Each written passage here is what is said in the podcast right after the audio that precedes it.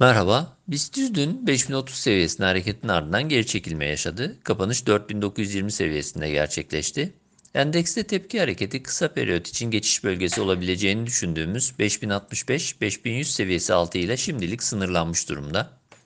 BIST'te kısa periyotta yeni bir iyimserlik gelişebilmesi için bu bölge üzerine geri dönüşü gerekli gördüğümüzü yineliyoruz.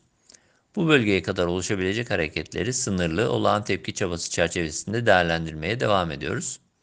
Bandın aşılabilmesi durumunda saatlik grafikler için daha güçlü ve yeni bir iyimserlik gelişebileceğini ve ilk aşamada 5200-5300 direncine yönelme yaşanabileceğini belirtebiliriz.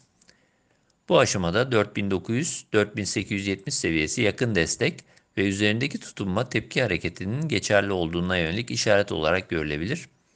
Altına yaşanacak sarkma satış baskısının bir miktar daha güçlenmesini sağlayabileceği gibi bu defa 4750-4680 bandının gündeme gelmesini de sağlayacaktır.